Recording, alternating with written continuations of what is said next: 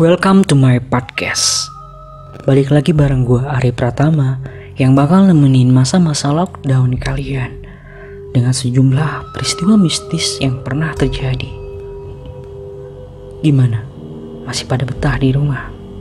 Kita sama-sama rindu tempat tongkrongan, rindu sekolahan, rindu pulang kampung.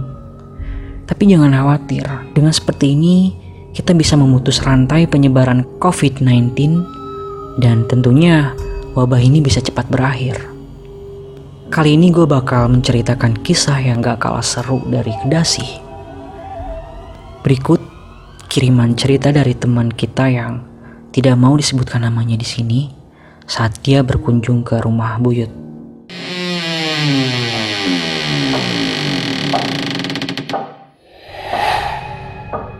Assalamualaikum. Cerita ini dialami ketika saya duduk di bangku sekolah dasar yang ada di kota Bandung. Hari itu, sekolah sedang libur panjang, dan paginya nenek dan kakek saya datang ke rumah untuk mengajakku pergi liburan ke kampung halamannya yang lokasinya lumayan jauh dan terkenal dengan budaya dan adat istiadatnya. Saat di perjalanan, kami terjebak macet, membuat saya tertidur selama perjalanan. Sampainya di sana, kami disambut hangat oleh keluarga dari Buyut. Kami pun bersalaman dan saling memperkenalkan diri satu sama lain. Ketika saya bersalaman dengan orang yang duduk di kursi goyang, kesayangan dari Abah Buyut, orang-orang memandang saya dengan keheranan. Tapi saya mengacuhkan pandangan mereka dan cepat-cepat masuk ke dalam kamar karena capek sekali rasanya ingin melanjutkan tidur. Wajar saja, perjalanan yang lumayan jauh dan macet karena liburan sekolah. Sorenya sekitar pukul 4, saya pun bangun. Dikejutkan oleh salah seorang saudara saya yang baru saja sampai dari Kabupaten Bandung. Usianya gak jauh beda dari saya. Kami pun keluar rumah dan bermain di sana. Tak terasa waktu begitu cepat berlalu. Sudah menjelang maghrib, tapi kami masih saja asik bermain di bawah pohon rambutan yang ada di halaman rumah. Di sana kami tidak menyadari kalau di situ terdapat batu nisan yang entah itu kuburan siapa. Azan pun berkumandang, tapi tidak menyurutkan kami bermain. Padahal keluarga kami sudah menyuruh untuk masuk ke dalam rumah. Ketika sedang asik bermain, tiba-tiba saya mendengar lantunan musik kecapi dari arah hutan yang ada di seberang halaman. Saya pun berhenti sejenak dan bertanya, Eh, mana yang ada yang tuh? Ada yang cuy? Jawab saudaraku. Saya pun memastikan kembali apa yang baru saja terdengar. Kata suara naunnya mang. Suara kecapi, jawabnya datar. Nah, jam sakit di lewung ayah kenek itu nuulin di itu. Tuh ingat tuh, jawabnya panik. Akhirnya kami pun lari sekencang-kencangnya ke dalam rumah. Sampai Neh pun heran dan bertanya. Neh adalah panggilan untuk buyut perempuanku, sedangkan Abah buyut untuk buyut dari laki-laki. Dengan heran, Neh bertanya, Nah aku naon lompatan? Itu ayah suara kecapi tiara lubung. Jawab saya ketakutan. Oh, ayah nu kerajaan meren. Mana naon? Jawab Neh santai sambil mencoba menenangkan saya. Ges, angguran mah gera bersih. Pamaling ges maghrib ya. Juk sarolat. Saya pun lekas ke kamar mandi untuk mandi dan wudhu sambil berkata dalam hati. Lain atau mengenangnya laguan maghrib-maghrib jaba di hutan deh. Ah, sabodo teing. Sehabis mandi, makan, dan sholat, saya berkumpul dengan yang lainnya di ruang TV, mengobrol dan bercanda sampai pukul menunjukkan jam 9 malam. Saya pun disuruh tidur bareng saudara sebaya saya. Kami pun masuk kamar dan mematikan lampu kamar. Baru saja hendak menutup mata, saudara saya tiba-tiba menangis. Kagetlah. Kenapa maneh?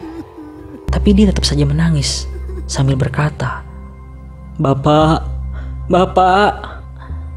semakin kencang dan mengagetkan orang di luar. Seketika pintu kamar pun terbuka. Neh pun masuk. Ayah naon sih gogorowokan? Gus puting ya? Tanya Neh bingung. Saya pun menjawab. Teing Neh, abige. Dajol guguru bugan, cerik, terus ngomong bapak-bapak gitu. Spontan Neh pun menjawab. Iya masih Abah Uyut. Sambil berjalan keluar kamar dengan ekspresi yang tiba-tiba datar. Saya pun heran. Abah Uyut. Gak lama, Neh pun masuk kembali ke kamar dengan membawa sesajen dan dupa. Lalu, ia pun buru-buru membawa kami keluar rumah. Dengan bingung saya bertanya, Neh, iya badai ke mana? Pun menjawab, Iya ke makam Abah Uyut, jawab Neh. Kagetlah, saya pun kembali bertanya, Anu mana? Anu tadi siang ngangge pangsi sarang totopong sanes? Nya nu eta? Jawabnya singkat.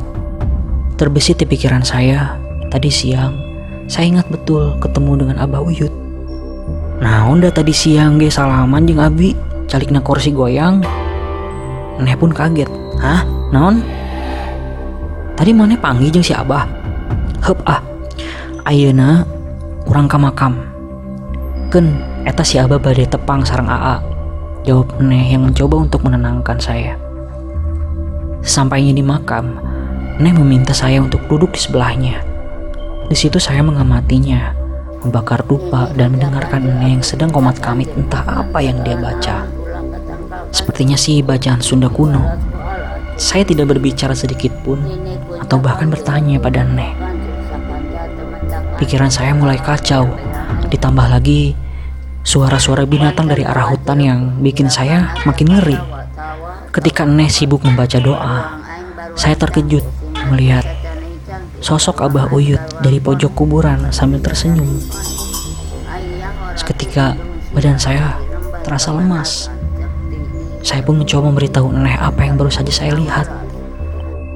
Neh, itu ayah Abah Uyut, ningalikeun. Sambil tangan saya menunjuk ke pojokan makam. Naon A, ningali Abah di mana? Dengan raut mulai panik, saya hanya bisa menganggukkan kepala saja untuk menjawab pertanyaan dari Neh. Oh, berarti emang Anu bakal neruskan si Abah Uyut? Ujar Neh. Karena Neh melihat kami semakin ketakutan, ia pun meminta kami untuk segera masuk ke rumah. Sampainya di dalam, Neh pun menghampiri saya dan berkata, Aa, tos we ayeuna bobona sareng Neh. Rencangan Neh di kamarnya. Saya pun menuruti keinginan Neh untuk tidur bareng di kamarnya. Badan saya berasa lemes banget. Mata pun udah berat banget. Saya pun mencoba untuk memejamkan mata.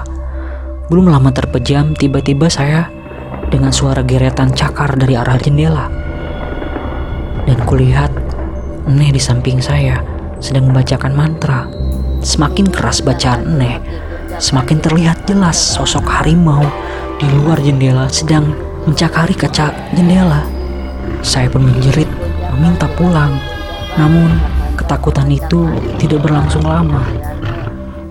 Neh pun mengelus-elus kepala saya hingga saya bisa kembali tidur.